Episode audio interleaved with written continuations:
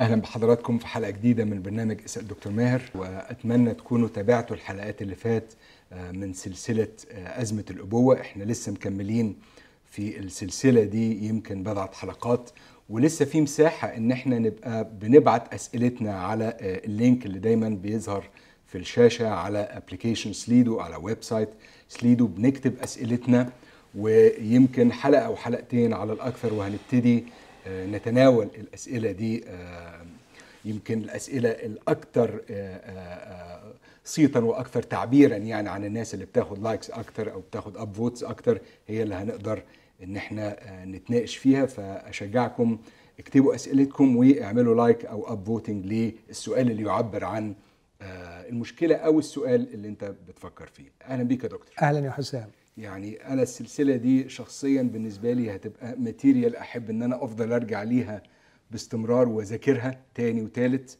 وتنعشني كده في. فيما يتعلق بدوري الأبوي مع أولادي. وأعتقد كمان يمكن آخر حلقتين أنعشوني فيما يتعلق بنظرتي لله أبويا. نعم. والحلقة اللي فاتت بالتحديد يعني حضرتك وأنت بتتكلم عن دور الإعلان في إن هو اللي يعني يصحح المفاهيم والمنظور والصورة اللي في ذهني. عن الله آه، آه، قد إيه يعني ال- المثل اللي إحنا قريناه وأتمنى إن الوقت النهارده يسمح إن حضرتك يعني آه، ترجع تكلمنا تاني فيه وتكمل كلامك بخصوص هو المثل اللي بيسمى الابن الضال أو مثل الأب والابنين. بيقدم صورة لله أو صورة للإله الأب آه، بشكل يتصادم مع ال- ال- اللي إحنا متخيلين. صحيح. والمرة اللي فاتت حضرتك اتكلمت عن إنه آه، نجيب محفوظ مثلا وأخدت ده كمثل آه، بيقدم قراءة جيدة للواقع الإنساني الإنسان اللي شاعر بالاغتراب يبحث في ال- ال- الدين ويبحث في العلم ولكن في النهاية بيصل بيه المطاف لولا شيء هو يعني. بي- بيموت ولكن آه، طرحت إنه المسيح بيقدم الصورة باستكمال مختلف إنه الأب بيتحرك ناحية الابن والحضن بيصل للابن اللي ضل ورجع وفاق واستنار بإعلان ما إنه أرجع أبص لابويا أرجع لحضن ابويا بس لا زالت برضو صورة الأب يعني حضرتك لو تفتكر المرة اللي فاتت كنت بقول لك لا زالت صورة الأب آه، آه، يبدو وكانه الأب الضعيف. هو أب جميل ما أقدرش أنكر. أحب إن أنا بالذات لو أنا الابن ال- ال- ال- ال- اللي بيروح وي- ويهرب ده يعني إن لما أحب أرجع ألاقي الحضن مستنيني. بس لا تزال الصورة صادمة بالنسبة لي. نعم. فإيه الصورة اللي يسوع فعلا بيحاول يفكر في يعني بيحاول يقدمها؟ هل هي صورة الأب اللي بيفوت وبيمشي الحال ولا إيه إيه, إيه بالظبط اللي بيحاول يأسسه من مفاهيمنا عن أبوة الله من خلال مثل زي كده؟ يعني خليني أسرد لك على قد ما يعني تحب ويتسع الوقت بعض الملامح الأساسية لصورة الأب كما رسمها الرب يسوع في هذا المثل. وزي ما قلت زي ما قلت لك يا حسام المرة اللي فاتت إنه الصورة اللي بيرسمها الرب يسوع تتصادم مع صورة الله عند المتدينين. فخليني أقول لك بعض الأشياء. أول حاجة أقدر أقول بقوة هو الأب القوي بالقدر الكافي ليعطي الحرية لأبنائه. الأب القوي بالقدر الكافي ليعطي الحرية لأولاده. كلما ضعفت كلما احتجت أكثر للسيطرة. مم. فالسيطرة تعبير عن الضعف وليس تعبير عن القوة. واو. الله لا يحتاج أن يكون ديكتاتورا لأنه قوي. الله قوي انف إنه الولد يقول له أمشي يقول له أمشي. أنا لا يمكن ابدا أبقيك قهرا معي. أنا قوي للقدر الكافي سأكتر معاناتي وألمي عليك. مم. وسأكون موجوعا لغيابك عني. لكني قوي بالقدر الكافي لأمنحك حريتك. دي بقى يعني في صفات الله ينبغي أن ينظر إليها نظرة عميقة جدا جدا جدا. الناس عايزة إله اللي هو بيحرك بالريموت كنترول. وهو ده القوي يعني في في نظرنا الحقيقة. ده نظ... بالظبط. آه. لكن على فكرة كلما ازدادت سيطرتك هذا يعني خوفك وضعفك. مم. القوي يستطيع أن يسيطر على المشهد دون أن يسلب الناس حريته. لأنه عنده مثلا قدرة ل- ل- لإصلاح الأوضاع يعني؟ عنده قدرة لإصلاح الأوضاع لكن لأنه أيضا منطلق من قناعة شديدة أنه في غياب الحب لا حرية حقيقية. وفي غياب العلاقة ال- لا حب حقيقي. يعني يعني هي المسألة مش مسألة أنا مربي شوية فراخ بوكلهم أنا عايز أبناء أدخل معهم في علاقة. وهذه العلاقة غايتها الحب الحب المتبادل. فأنا عايز أحب ابني وابني يستقبل حبي لكن كمان عايز ابني يحبني. فكانت أول الوصايا هي تحب الرب إله. إذا أراد الله أن يكون محبوبا لابد أن يمنح الحرية. سي إس لويس يقول ال- ال- الحب بالقهر اغتصاب. حاشا الله أن أن يغتصبنا. فإذا أرادنا الله أن نحبه محبة حقيقية لابد أن يمنحنا حريتنا. وهو قوي بالقدر الكافي أن يعطي هذه الحرية وقادر على أن يسترجعنا إليه إذا أردنا مهما عكينا. وده اللي حصل مع الولد. فدي النقطة الأولانية أنه قوي بالق... يا أبي أعطني القسم الذي يصيبني من المال. اتفضل. مم. ما ما م- مش هسلبك حريتك علشان تفضل معايا. دي صعبة جدا. مم. والمتدينين ما يفهموهاش. المتدينين عايزين إله آه، يعني يحركهم بالريموت كنترول. إله آه، بيعمل كل اللي هو عايزه وهم حتى حتى أفعالهم ملهاش تأثير. للأسف الشديد يعني أشارك حضرتك برضو ب... ب... يعني آسف لو بقطعك لا، يعني اتفضل. بس يعني آه، أت... أذكر في بداية حياتي مع المسيح كان عندي فعلا علامة استفهام شديدة على آه، قدرته على صنع المعجزات لأني كتير كنت ببقى مستعبد لخطايا معينة وممارسات معينة كنت أصرخ يعني بالليل أفتكر آه، خليني بكرة أبطلها وما يعني ما ما اعملهاش تاني خالص وما اقعش في الفخ ده تاني خالص والاقي نفسي تاني يوم فعلا بقع تاني في الفخ. وكان عندي فعلا تصور إنه لو أنت قوي كفاية أكيد هتعرف تلجمني أكيد هتعرف تربطني. فاللي حضرتك بتقوله الحقيقة تقريبا عكس اللي أنا بقوله. بالظبط. نعم.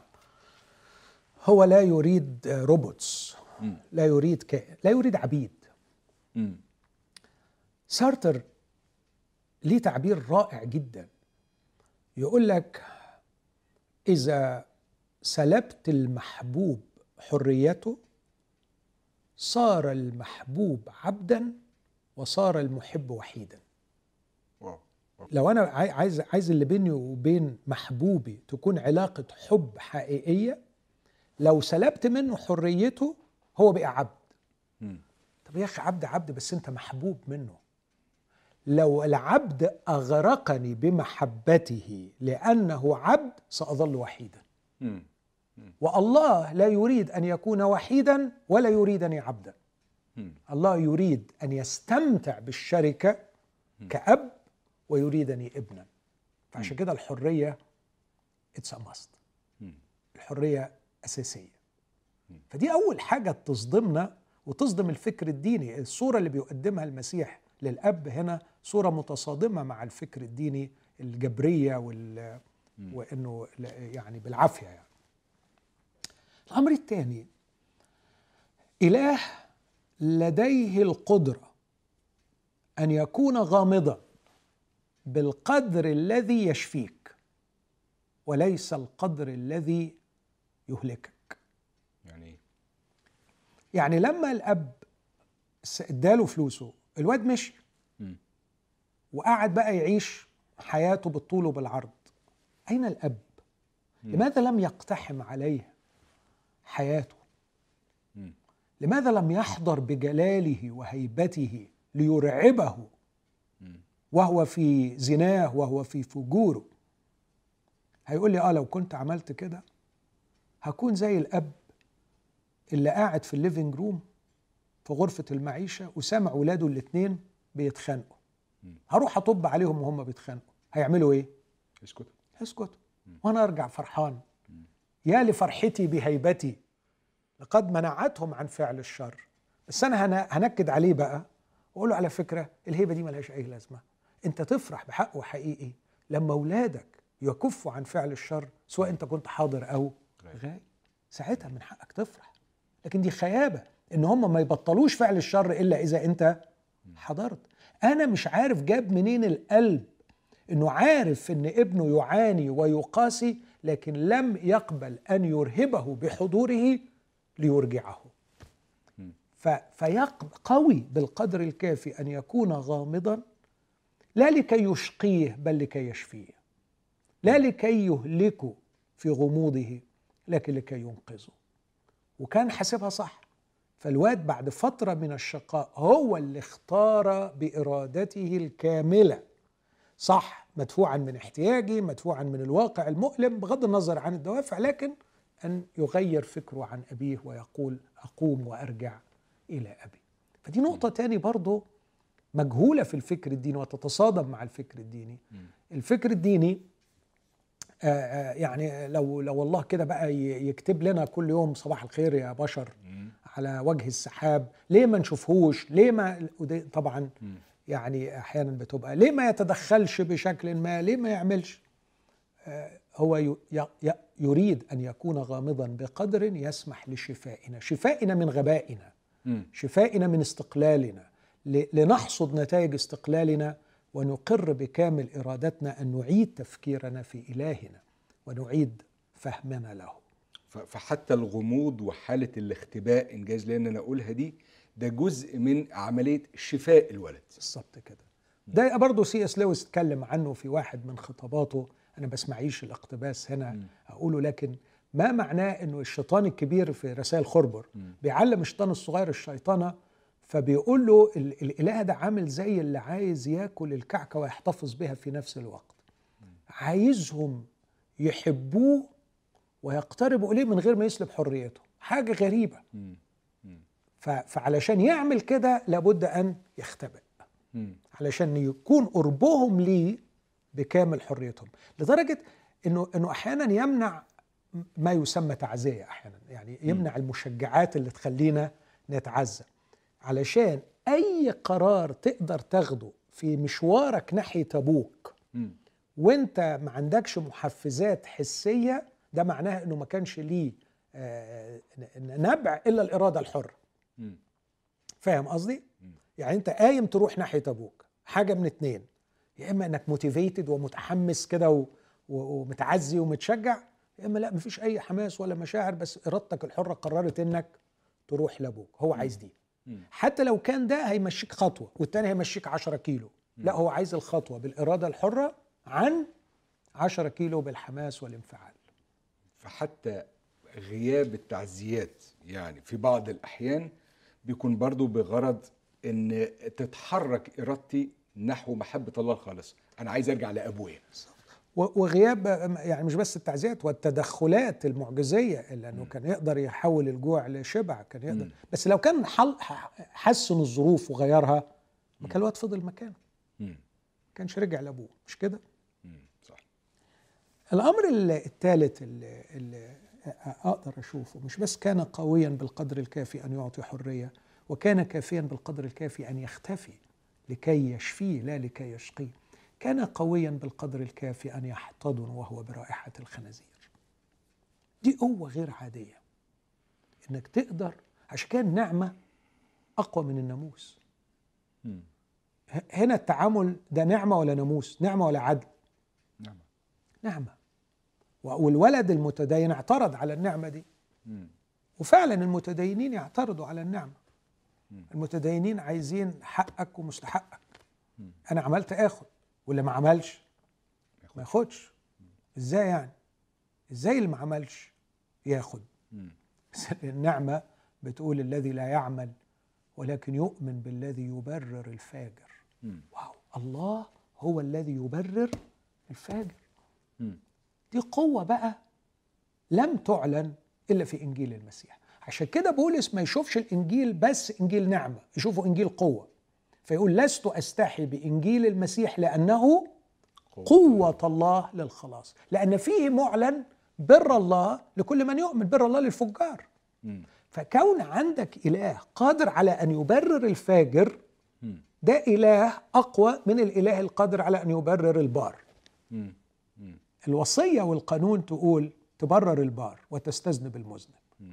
لكن أن تبرر الفاجر دي بقى حاجة عايزة قوة غير عادية. ودي بانت قوي في نعمة إلهنا. طبعا عنده عنده عنده مصادره الشخصية اللي تخليه يقدر يبرر الفاجر. عنده ابنه.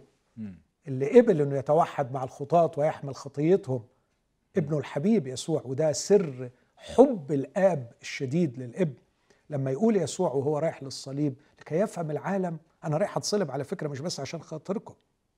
لكن ليفهم العالم أني أحب الآب.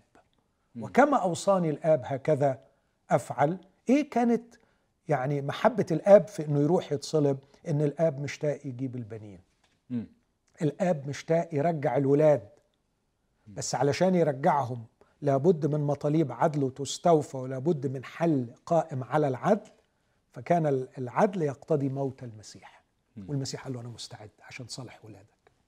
فالله عنده مصادره لكن كان قويا بالقدر الكافي أن يكون منعما.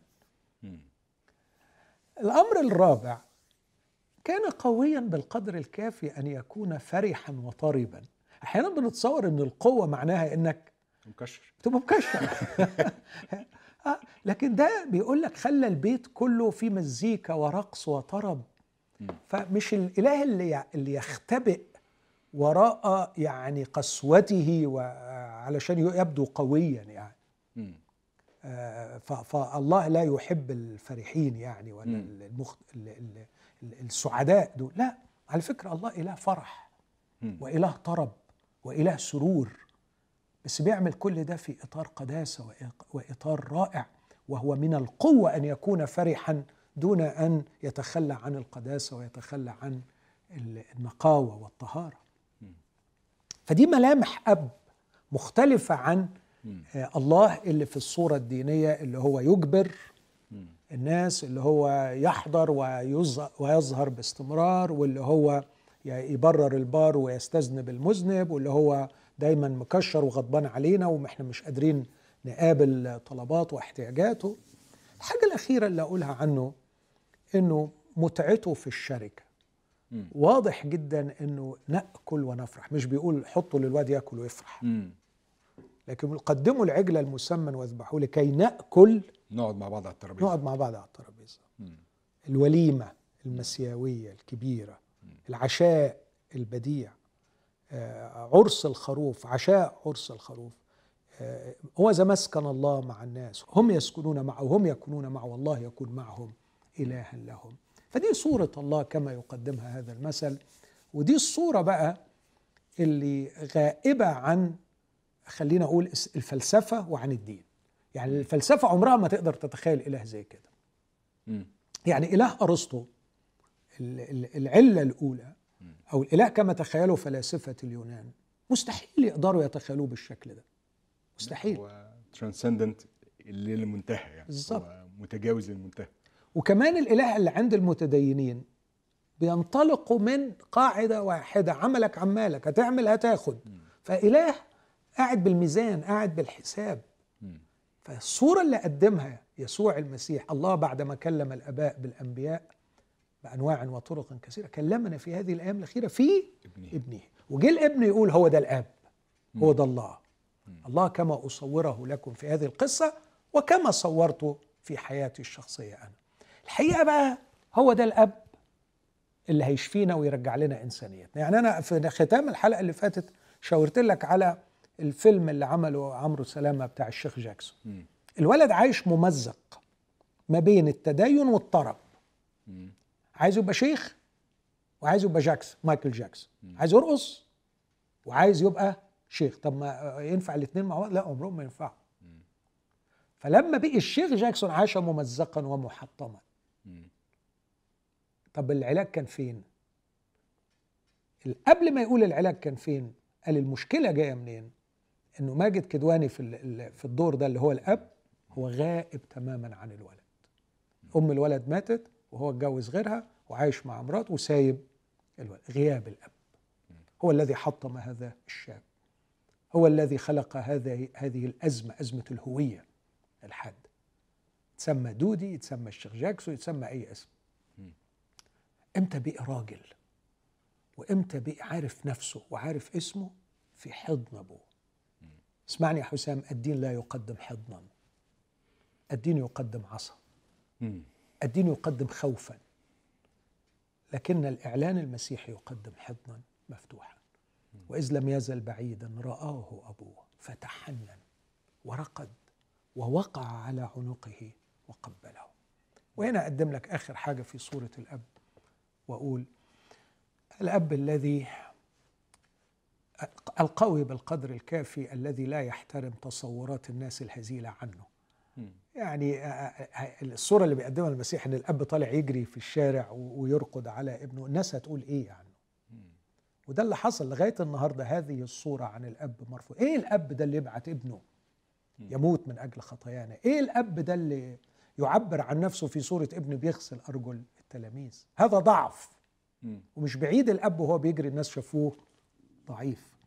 لكن صورة الله الحقيقية هو الأب الذي يعبر عن حبه بغض النظر عن رأي الناس فيه أو رأي خلائقه فيه.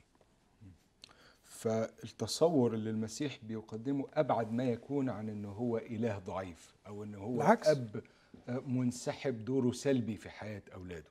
ده ده بسبب تصورنا الهزيل عن معنى القوة. م. القوة إذا كانت الجبر وصورة الناس ووضعي قدام الناس مش الله كده.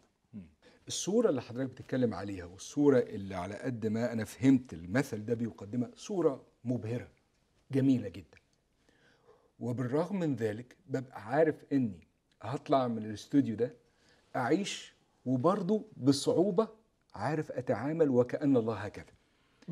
هرجع برضو للمجتمع ولمتطلبات الحياة و وهبقى برضو بدور على الأب اللي قوي من مفهومي أنا. الأب اللي يخلص لي الحاجات والأب اللي يسيطر على الأوضاع بالنموذج اللي أنا آه، عايز يتم السيطرة بيه على الأوضاع. هل إلى هذا الحد التصورات الخاطئة عن مفاهيم القوة آه، متجذرة جوانا؟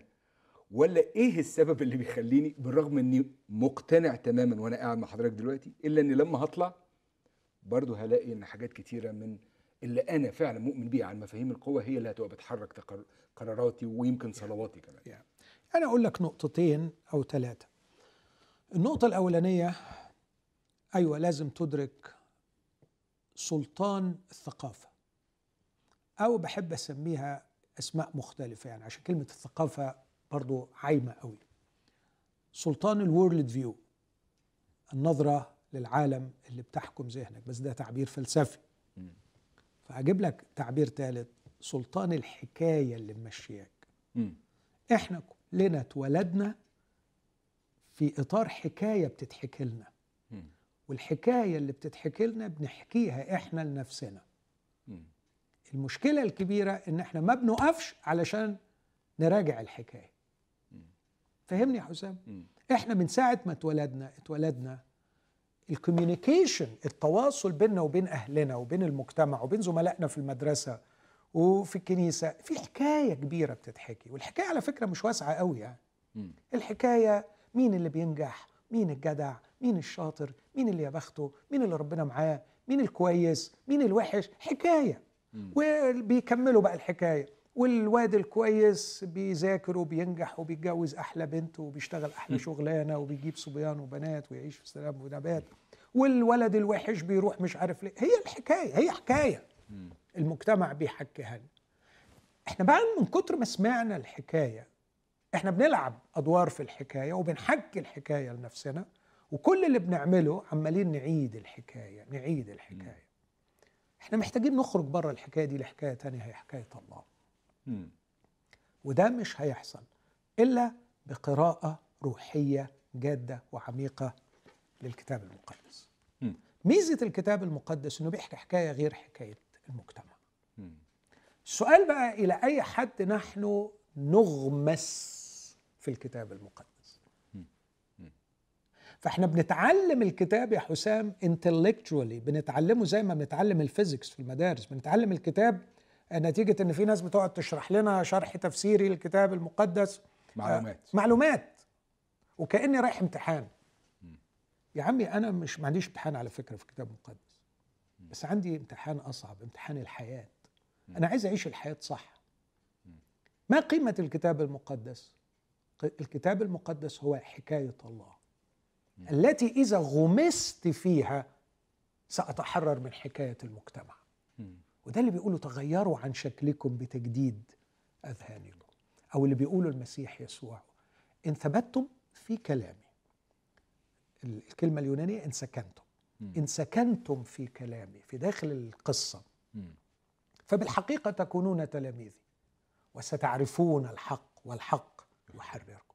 كل ما تغمس روحك قوي في الحكاية وتعيش مع إبراهيم قصته وتعيش مع يوسف حكايته وتعيش مع جدعون وتعيش مع شمشون وتخاف من الزنا وتخاف من الخطية وتعيش مع رعوس الجدعة اللي خدت قرار رهيب وتمشي وتعيش مع المجدلية اللي حبت بكل قلبها وتعيش مع بطرس لحظة انكساره وخوفه وإنكاره. أنت بتعيش حكاية تانية خالص.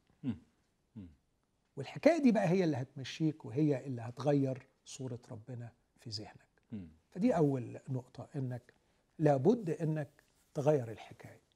لابد إنك تقر بقوة الثقافة أو بقوة الحكاية المجتمعية آه، ما تستهترش بيها. دي هي مشكلاك في كل حاجة. م. أنا شفت ناس غيروا معتقداتهم بنسبة 100% لكن فضلوا عايشين بالمعتقدات الجديدة في الحكاية القديمة. هم بس ولفوا المفردات الجديدة على الحكاية الأولانية. بالظبط. فتبص تلاقيه في نظرته للمرأة في قراراته في نظرته للفلوس في نظرته للجنس في تعامله مع الوظيفة مع الشغل. هو بعينه. بس تبنى معتقدات جديدة. النقطة الثانية أه تحب المسيح. أن تحب المسيح لدرجة العشق. بدون محبة المسيح محبة حقيقية مستحيل هتفهم الآب يا حسام. وهتفضل تتفاهم تتعامل مع الآب بالمفاهيم الدينية على على الحكاية القديمة. لكن المسيح لديه الثقة الكاملة اللي تخليه يقول من رآني فقد رأى الآب اللي عرفني عرف الآب. خلاص. لو كنتم عرفتمونني لعرفتم أبي أيضا. بس عشان تعرفوا لازم لازم لازم تدخل في علاقة معاه. فتغوص في الأناجيل الأربعة وأشجعك وأشجع أحبائي المشاهدين. أنا قعدت فترة طويلة مش أقل من عشرين سنة خلوتي الصباحية فقط في الأناجيل. لا أقرأ إلا الأناجيل. عايز أرتحل من حادثة لحادثة من قصة لقصة من معجزة لمعجزة من عظة لعظة وأغوص في حركات وسكنات وأغوص فيه متى نظر حوله مثلا في إنجيل مرقس هو إيه اللي كان يلفت نظره؟ متى غضب متى أنى؟ متى حزن؟ متى تهلل؟ متى أسرع؟ متى أبطأ؟ متى قضى الليل كله في الصلاة؟ متى خرج باكرا؟ ومتى نام؟ بينما كان الاحتياج إليه ملح. كل حاجة في حياته عندما تغوص فيها كلما غصت في المسيح أنت تغوص في الله وتفهم من هو الله. وبدون الغوص في من هو المسيح وحبه وعشقه وتمثله باستمرار وتركز الوعي عليه تركيز الوعي على المسيح طول الوقت هو ده اللي هيخليك يعني تصلح أفكارك عن الله. الأمر الثالث والأخير هو الشركة مع أولاد الله. الشركة مع أولاد الله تساعدك شركة بس حقيقية. إنه تقلب الأرض اللي مليانة دود ومليانة أخطاء وتقعد معاهم بافتراض إنك لازم هتتعلم منهم حاجة جديدة. الأتيتيود بتاع إنك تقعد مع واحد علشان تستعمله فتسمعه اللي أنت عايزه أو تقنعه باللي أنت مقتنع بيه ده أسلوب لا يليق بأولاد الله. أولاد الله بيقعدوا مع بعض مؤمنين كل الإيمان إن كلهم هيتعلموا أحدهم من الآخر. فبنقعد نتشارك بضعفاتنا وألمنا واحتياجاتنا ومفاهيمنا ومعاملات الله. معنا من خلال علاقتي الحقيقية مع مع أولاد الله تتغير صورة الله في ذهني. فحتى مفهومنا عن أبوة الله المفروض ان ينعكس في طبيعة تفاهمنا لمجتمعنا مع بعض كمجتمع إخوة. يس فحتى الطريقة اللي أنا ببص بيها على دوري من ناحية حياة أخويا أو دور أخويا من ناحية حياتي مرتبط بيه هو أبونا بيعمل فينا إيه وكمان هيصحح صورتي أنا عن الله مم. لأني هتعلم الله بيعمل إيه في حياة إخواتي فأتحرر من القصة المجتمعية مم. يعني هسمع حكاية مختلفة المفروض مم. فالحكاية أنا بشوفها في الكتاب المقدس ومدعو لأن أنا أنغمس فيها وأنسجم معاها ولكن آه، على مستوى تاني في في ال- في المجتمع اللي أنا عايش فيه مجتمع إخواتي وأخواتي اللي هو كمالة بي- الحكاية. بينتموا آه لنفس الأب يعني يا. كمالة الحكاية بنشوف برضو ملامح نفس الحكاية وبنساعد بعض إن إحنا نعيش صحيح ملامح الحكاية دي طبعا أنا ما أشرتش هنا بقى لدور الروح القدس والإعلان مم. لكن ده في في في برضه حياتك الشخصية لكن الروح القدس ما بي ما بيشتغلش بدون الوسائل الثلاثة يعني كل اللي أنا قلته ده الروح القدس حاضر وهو اللي شغال مم. يعني يعني وانت في الكلمة الروح القدس هو اللي هيعمل التغيير. وانت في بتتأمل في المسيح مش هتعرف تحب المسيح بدون الروح الروح القدس. وانت مع اخواتك المؤمنين الروح القدس حاضر. فيعني أنا لألا حد يتصور إن تجاهلت دور الروح القدس. الروح القدس حاضر بس بيشتغل من خلال الوسائل الثلاثه دول. المسيح على مدار السنوات اللي هو آه، تلمذ فيها مجموعة الرسل. يعني المثل اللي إحنا شفناه ده أتخيل إن هو آه، جسده ليهم بطرق مختلفة بقى أثناء حياته معاهم. صحيح. فهل في ملامح محددة حضرتك تحب تشارك بيها؟ إزاي يسوع جسد النموذج ده هو؟ صورة الله الأب الجميل القوي بالكيفية دي هي اللي حضرتك شرحتها. في تعاملاته وطبيعة تحركاته وتوجيهه ل- للمجموعة الصغيرة اللي هو آه، اختارها ليكونوا تلاميذه؟ بكل تأكيد يا حسام آه، وممكن أسأل السؤال بتاعك بطريقة تاني أقول كيف يبرر يسوع قوله من رآني فقد رأى الآب. يعني أنت إزاي تقدر تدافع يا يسوع عن قولك هذا؟ إيه اللي أنت عملته وشافوك فيه علشان تقدر تقول إن اللي شفتوه فيا هو ده الآب. خد أي صفة من الصفات اللي أنا قلتهم أجيب لك قصص من حياة يسوع تؤكد هذا. يعني خليني مثلا أقول لك حتة قوي إنف لدرجة أنه يعطي الحرية مم. في يوم من الأيام رهيب عمل معجزة جبارة أنه أشبع آلاف بخمس خبزات مم. وبصراحة كان مسيطر بشكل يعني أنا بعشقه في الحركات البسيطة بتاعته يعني قبل ما يعمل معجزة زي كده يقول لهم آه، أنا أخشى على الجمع أن يمضوا جياع لئلا يخوروا في الطريق. من أين يا فيلبس نبتاع لهم طعاما ويسأل فيلبس بالذات.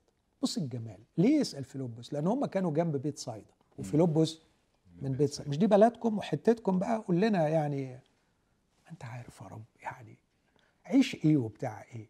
بس جميل في سيطرته على الموقف. وهو يقول إنما قال هذا ليمتحنه لأن يسوع من البدء علم ما هو مزمع أن يفعل. إبداع. إبداع ال ال تهيئة الجو النفسي والفكري والروحي لحدوث المعجزة. وبعدين حصلت المعجزة. لما حصلت المعجزة عملها بطريقة غريبة هم شركاء في المعجزة. هم شركاء. روحوا وقدموا لهم وأشبعوهم. اولا اجلسوهم صفوف صفوف 100 150 مسيطر على الموقف بكل النواحي. بعد ما أظهر سيطرته على الموقف ابتدى يعلم. وبعد ما علم بسلطان عظيم للغاية وكانوا يبهتوا جه في الآخر البعض قالوا هذا الكلام صعب. من يقدر أن يقبله؟ اسمع دي يا حسام. من ذلك الوقت ابتدأ كثيرين من تلاميذه يرجعون من ورائه ولا يعودون يتبعونه أيضا. يعمل إيه يسوع؟ فنظر يسوع إلى الاثني عشر اللي باقيين وقال لهم لعلكم أنتم أيضا تريدوا أن تمضوا. مم. حابين تمشوا؟ فهم. فهو كأنه اداهم وقتهم علشان يستوعبوا مدى احتياجهم للمعجزة. وبعدين أشركهم في صناعة المعجزة وبالرغم إن هم شافوا المعجزة وأكلوها وشافوا سلطانه. وشافوا عظمته يعني برضه في الآخر بديهم مساحة إنه اتفضل. لو عايزين تتفضلوا اتفضلوا. لا قهر. لا قهر. لا إجبار. ما ينفعش تآمن بيا لأنه ما عندكش حل تاني ما ينفعش تتبع المسيح لأنه ما عندكش اذر اوبشن ما عندكش اختيار آخر هذه التبعية الدينية مرفوضة من المسيح. هذه التبعية الدينية مرفوضة من السيد المسيح المسيح لا يريد اتباعا يتبعونه لأنه ليس لديهم اختيار مم. عشان اتولدت كده وعشان عيلتي كده وعشان ظروفي كده وعشان الناس هتقول عليا كده. المسيح بيقول لتلاميذه لعلكم تريدوا أن تمضوا؟ ساعتها برز بطرس وقال له قال له حاجة جميلة. قال له إلى من يا رب نذهب كلام الحياة الأبدية عندك. إحنا مقربين ليك مش عشان كلنا مقربين ليك مش عشان انبهرنا بالسلطان. إحنا مقربين بيك لأن في أعماق في داخلنا لا تشبع إلا. بكلامك كلام الحياة الأبدية. عندك. خد مثل تاني مثلا لما بقول قوي إنه يقدر يتعامل بالنعمة. يقدر يتعامل بالنعمة للدرجة إنه بيقول لبطرس أنت هتنكرني. وهتنكر ثلاث مرات. بس أنا بحبك ومش هسيبك. وهترجع. ولما ترجع ثبت إخواتك. إيه ده؟ ده المثل ده المثل بالظبط هترجع.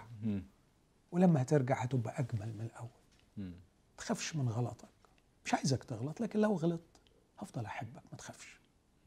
وهأنعم عليك ونعمتي معك هي قوتي لاسترجاعك. فأنا يا ابني قوي إنف أن يكون عندي نعمة. الضعيف هو أنك عندما تقابل محبتي لك بالخيانة والغدر أسحقك. ساعتها أبقى قوي في نظر الناس. صحيح. لكن أقوى بقى من من قوة الناس إن أنا أعرف بالنعمة أسترجعك إلي وأجعلك تحبني حتى الموت.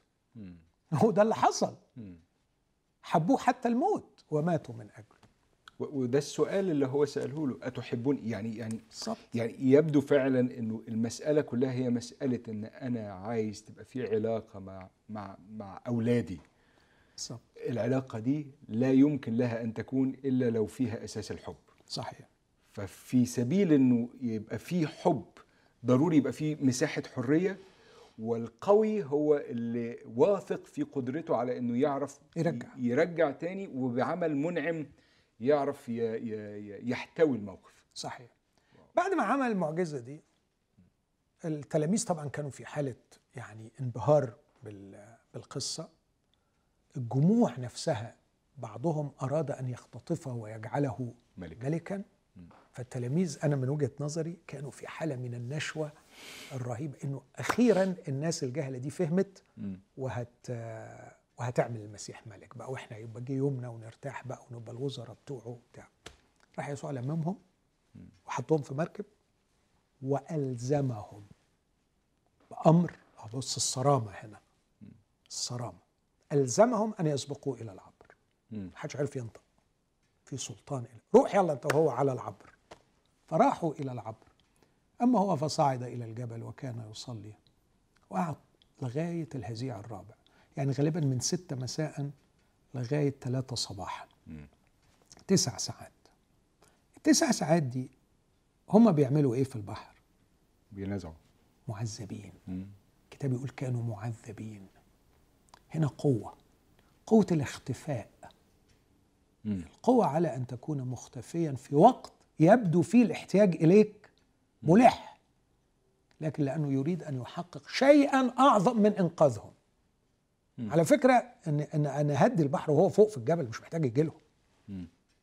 كان يقول كلمة والبحر هيهدى صح ولا لا صح لكن هو عايز يعمل حاجة أعظم من مجرد إنقاذهم مم. ففي الهزيع الرابع بقى جالهم ماشي على المية وده بقى لوحديها تحكي فيها حكايات يعني كأنه عايز يقول لهم أيوة أنا رفضت أن أكون ملكا لكن هذا لا يعني أني فاقد السلطان فما زلت أنا الله القدير الذي يسيطر على البحر. لأنه أكيد أذهان التلاميذ أنت هو الآتي أم؟ ننتظر آخر. أنت ليه ما رضيتش تملك؟ ما إحنا عارفين إن الآتي يجي علشان يملك والناس جابوا لك وقالوا لك يلا. أنت ليه رفضت الملك؟ هم مش فاهمين الأجندة الإلهية إن ده مش وقت الملك الحرفي. وقت تغيير وخلق الإنسان إنسان ملكوت الله. ده دي المهمة الأساسية اللي جالها. ف فسابهم يخبطوا ويرزعوا وسابهم. ده اللي بسميه ال- الأمان المحسوب. مم. إنه يسيبك تصارع الحياة. أنا اللي قدمت خدمة في اجتماع شباب قصر الدبارة. تحت نفس هذا العنوان لا أترككم يتامى. أحب إنه برضو أحبائي يبقى يشوفوها لأن فيها جوانب تانية غير اللي أنا بقولها. لكن في الحتة دي اخترعت حكاية كده وحكيت حكاية عن أب عنده ابن آه cute. ولد جميل جاب له أبوه BMW والولد طايح بالعربية وبعدين عمل حادثة. أبوه بعت له ثلاثة من عنده بودي جاردات آه، راحوا مخلصين الولد وزي الفل. والولد سعيد بأبوه. هو ده الأب. وأب تاني عنده بنت معاه عربية بسيطة. وبرضه عملت حادثة اتصلت بأبوها. فأبوها قال لها انزلي. اتكلمي مع الراجل اللي خبطك اعملي محضر روحي القسم تفاوضي مع الراجل وخدي حقك منه. البنت طبعا اتجنت آه طبعا. يا بابا ده وتصرخ. لا اسمع الكلام. لازم تواجه الحياة. بابا مش ده يملك. بابا مش قاعد باستمرار. لازم انت اللي تواجهي الحياة. فاضطرت آسفة لقيت خلاص مفيش داعي للصراخ في التليفون وفي الشارع. عملت اللي هو قال لها عليه وراحت القسم وتفاوضت مع الراجل وخدت حقها. وطبعا كان كان يوم من أسخف أيام حياتها بس وهي طالعة من القسم لقيت ابوها قدامها. مم. فبتقول له دلوقتي جيت. فقال لها من اللحظة الأولى اللي كلمتيني فيها أنا كنت في الموقع براقب وبتابع. وكنت ناوي أتدخل في اللحظة المناسبة لكن أنا مش عايز بنتي تبقى خرعه عايز بنت جدعة.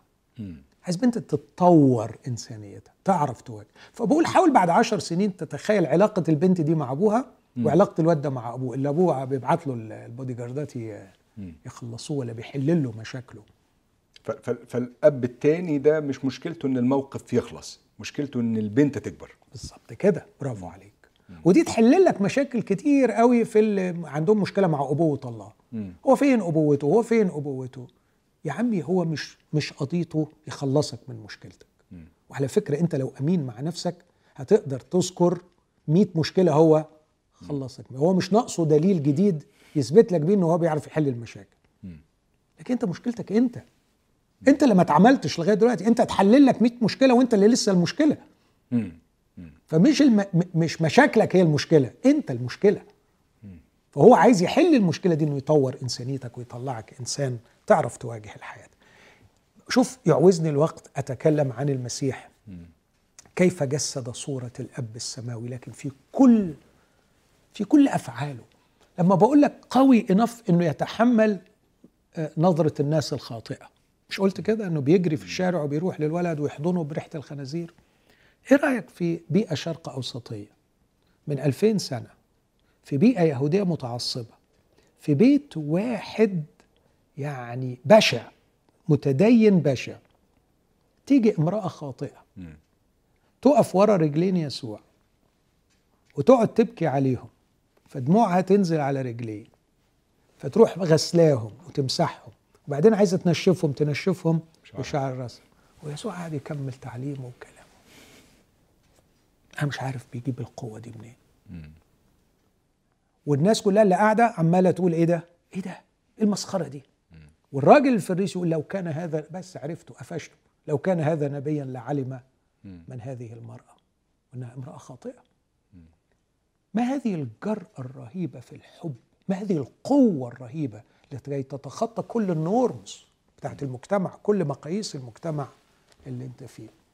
فالاقتراب من يسوع وحبه وفهمه يحطم الصورة الخاطئة التي زرعها الدين والمجتمع في أذهاننا عن الله. يمكن في آخر حلقة من الجزئية اللي بتتكلم عن أبوة الله. أعتقد إنه في مخيلة أي أب وهو بيربي أولاده مستقبل معين هو يهمه إن أولاده يبقوا آه، متأهلين ليه أو متاهلين صحيح. ليه لما حضرتك بتقول إنه ربنا يهمه إنه في النهاية أنا أبقى إنسان ويهمه إن أنا أبقى بكبر وبطلع لقدام وده يتطلب أحيانا إن هو يختبئ زي الأب بتاع البنت اللي عملت الحادثة وهو من ورا كده يعني الستار بي بي بي بيتابع الأمر. بيبقى عندي سؤال وأتخيل إن عند كثيرين برضه سؤال وربنا بقى عايزنا نوصل لإيه؟ يعني يعني إيه المشهد اللي في الآخر هو بيحاول يأهلنا ليه؟ يعني إحنا كأولاد الله إيه ال- إيه اللي منتظرني يعني أنا ليه محتاج أبقى self motivated ومتحمس وأنا آه، وربنا مستخبي وربنا آه، آه، يبدو وكأنه مش مش متدخل بالطريقة اللي أنا نفسي فيها. صناعتي. لأننا نحن عمله. مخلوقين في المسيح يسوع لأعمال صالحة سبق الله فأعدها لكي نسلك فيها. نسلك فيها. لاحظ هنا في ثلاث حاجات. في مخلوقين لكن الخلق لم يكتمل. لأنه ما كانش في داعي يقول لأننا نحن عمله. فهو خلقنا في المسيح يسوع لكن عمله الكلمة اليوناني اللي منها جاية كلمة بويم يعني قصيدة. انت ده واحد بيعمل قصيدة. فكأنه حط ال- البذرة مخلوقين في المسيح يسوع بس بعد كده شغال فيك. نحن عمله. وبعدين مخلوقين في المسيح يسوع لأعمال صالحة قد سبق الله فأعدها لكي نسلك فيها. صحيح الأعمال الصالحة مهمة بس مش مهمة كغاية في ذاتها لكن لأنه من خلالها هو بينجز عمله فينا. فنحن عمله. طول الوقت بيعمل طول الوقت بيعمل. خليني أقول لك في حياة أولادي أنا شخصيا أكيد طبعا كأي أب زي ما أنت قلت أنا بحاول أتصور إيه أفضل وضع لأولادي في الدنيا. فيدرس كذا ويشتغل كذا ويعمل كذا ويسكن هنا ويعمل كده. لا تتخيل ده أرهقني قد إيه ولا تتخيل لا- من رحمة ربنا إنه ما مشاش الأمور زي ما أنا عايزها. حقيقي. وما زلت في هذه الرحلة. كل اللي عرفت أعمله بعد كده إن أنا خلاص خلاص أنا أنا سلمت حطيت إيدي في الشقة. أنا هصف وأجي جنبك وأتفرج عليك وأمشي معاك وأنت بتشتغل في حياتهم فأنا دلوقتي فعلا متفرج على ما يعمله الله في حياتهم وأزعم إني بحاول أخدم على خطة الله في حياتهم. فمش أنا اللي راسم الخطه خلاص خطتي كلها باظت. مفيش أي حاجة من اللي أنا كنت يعني بخطط لها وبفكر فيها مشيت. ف فأنا ب- بحاول أخدم على خطة الله في حياتهم و- وصابر. وما أخبيش عليك مرات صبري بينفذ. خلاص تعبت عايز أشوف عايز أشوف آخرها. لكن آه، أعتقد إن الله بينجز عمل عظيم في حياتنا كأولاده والعمل العظيم مرتبط بما نكونه آه، ما نعلمه وما نعمله. هي مجرد أدوات يستخدمها الله لكي نكون فالكينونة النهائية هي غايته. هو مش إله بيعمل ماكينات عايزها تنجز له ولا إله عامل كمبيوترات بيشوف سعة معرفتها وسعة المعلومات اللي فيها. لكن هو إله عايز يعمل كيان بيخلقه والكيانات دي هتمجده إلى أبد الآبدين وحالة ال- التواجد في بيت الآب ده يعني يعني آه. آه. فكرة إن إحنا آه رايحين لبيت أبونا أو بيت الآب هل ده معناه إنه آم، وكأنه هنا بينقينا بس علشان نبقى مؤهلين مثلا ونبقى آه، لا يعني حضرتك بتتكلم عن إزاي إن هو بيتعامل بالنعمة فهل عملية تربيته لينا؟ آه. هدفها إن إحنا آه، آه، نؤهل فقط للتواجد ولا آه، لأنه في دور معين إحنا المفروض هنبقى بنقوم بيه أو جو معين إحنا محتاجين نجهز له بكيفية أو أخرى. سؤال جميل وكان ممكن ياخدنا بقى نتكلم ساعة عن التربية وتأديب الآب لنا. ده موضوع جميل. لكن خلينا أقول لك حاجة بخصوص بيت الآب. فاكر لما قلت لك مش عارف الحلقة اللي فاتت ولا اللي قبليها عن الاغتراب الثلاثي بتاع هيجل. كان من ضمنهم الاغتراب ال ال خلينا أقول الفلسفي والاغتراب الديني والاغتراب الاجتماعي هو الثلاثة الاغتراب الديني كان بيقول إيه هيجل؟ إن أنت مش قادر ترفض وجود الله لأنه بالعقل الله موجود بس الله ترانسندنت الله متجاوز. وانت في الزمان والمكان. فكيف لك وأنت في الزمان والمكان تتعامل مع إله خارج الزمان والمكان إله transcendent هو بيعتبر إنه دي استحالة عبور هذه اللي هو وبالتالي أنت كتب عليك أن تعيش في حالة اغتراب مستمر. القصة المسيحية بتقول لأ إن هذا الإله ال transcendent بالبعد اللي هو فيه اخترق الزمان والمكان. فمش إحنا هنعيش هنا وينتهي الزمن فننتقل للأبدية أو إن إحنا في مكان وهننتقل إلى مكان آخر. إنجاز ليا إني أقول التعبير ده مش دقيق. الزمكانية الخاصة بي اخترقت الزمكانية بتاعتنا. يعني طبيعة تعامله الفريدة مع الزمان والمكان ابتدت تقتحم الطبيعة بتاعت علاقتنا بتاعت. مع الزمان والمكان بتاعتنا. فاحنا بقينا دلوقتي في overlap بين الاثنين فاحنا في الزمان والمكان بتوعنا وفي الزمان والمكان بتوع. بتوعه. فمثلا الحياة الأبدية آه، ده بتكلم عن زمن. الحياة الأبدية إحنا خدناها من دلوقتي. فالحياة الأبدية مش تنتهي بالموت. ففكرة الموت وبعدين أبدأ الأبدية أو الخلود no يقول انار الحياة والخلود بواسطة الإنجيل. فمش الحياة ثم الخلود الحياة والخلود من دلوقتي. بقيوا حاجة واحدة. وبعدين من جهة المكان بقى أنا مش مستني أروح مكان هو المكان جه. ففي خلطة في المكان لأنه الأصحاح اللي قال في بيت أبي منازل كثيرة. أنا أمضي لأعد لكم مكان وإن مضيت وأعددت المكان آتي أيضا وأخذكم إلي. هو نفس الأصحاح اللي بينتهي فيه ويقول اللي بيحبني يحفظ كلامي وأبي يحبه وأنا أحبه وإليه نأتي وعنده نصنع. منزل منزلا فإحنا هنعمل مكان هنا. فيس في مكان هناك. بس المكان اللي هناك ده اخترق المكان اللي هنا وأنت تبقى عايش في الاثنين مع بعض إلى أن يأتي الوقت اللي ينتهي فيه الزمن. وندخل إلى السماوات الجديدة والأرض الجديدة وساعتها يبقى بقي واحد. يعني مش بقي overlapped وبقيوا مندمجين مع بعض لكن هيبقوا واحد. واحد. حياة أبدية في خلود أبدي في بيت فال... فبيت الآب اللي هنروح له نستمتع بيه من الآن. والخلود اللي هنبقى فيه نستمتع بيه من الآن. ففكرة ال transcendent لما اخترق الزمان والمكان في شخص يسوع المسيح جاء إلينا بالحياة الأبدية التي سنحيا بها هناك. وجاء إلينا بالبعد العجيب المكاني ده لكي نستطيع أن نعيش هنا. في ناس كتبت ترانيم توصف الكلام ده. يعني مثلا لما يقول له يا سجن صرت جنة من هيبة الرحمن. يعني واحد عايش في سجن بس شايفه جنة بسبب إيه؟ هيبة الرحمن. أن الرحمن قد حل بهيبته. فصار السجن لبولس وسيلة جنة فيها يسبحان. وإحنا مش هنسبح في بيت الآب. هم في بيت الآب بيسبحوا من هيبة الرحمن. واحد تاني يقول السجن يمسي به روضا. محاسنه تسبي وتزري سنا بالشمس والقمر. السجن بقى جنة محاسنه أبهى من محاسن الشمس والقمر الناس دي انتقلت وجوديا بقى على mode of existence نوع وجود.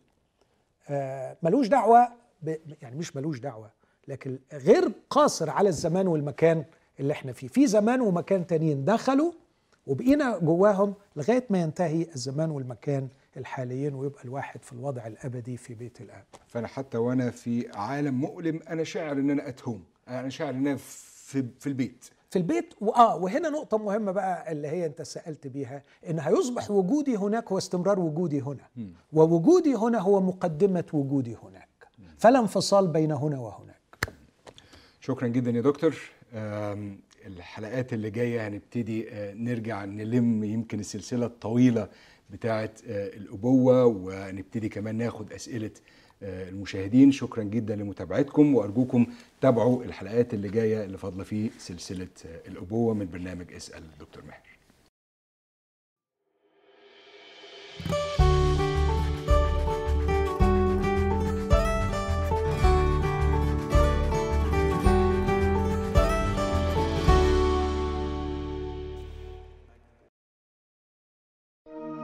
لمشاهدة المزيد من الحلقات زوروا سات 7 بلاس.